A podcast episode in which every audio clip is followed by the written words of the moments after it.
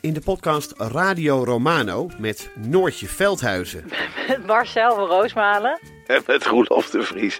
Brengen we alle drie elke week een zogenaamde signalering mee. Wat heb jij nou weer bij je? En aan het eind bepalen we wie de winnaar van de week is. Echt een angstcultuur. aan het Lege worden. huls die je er bent. Ja, dat gaat eigenlijk altijd onvriendelijk.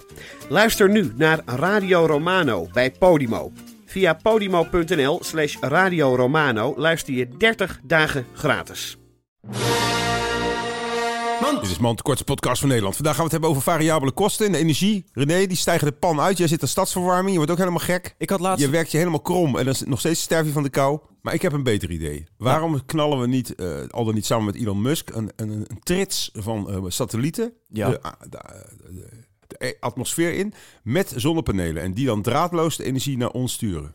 Briljant. Waarom kan energie niet draadloos? Nou, dat kan wel. Je kan toch ook je telefoon draadloos... Precies, dus waarom moeten we allemaal kabels hebben steeds? Geen idee. Haal die kabels weg.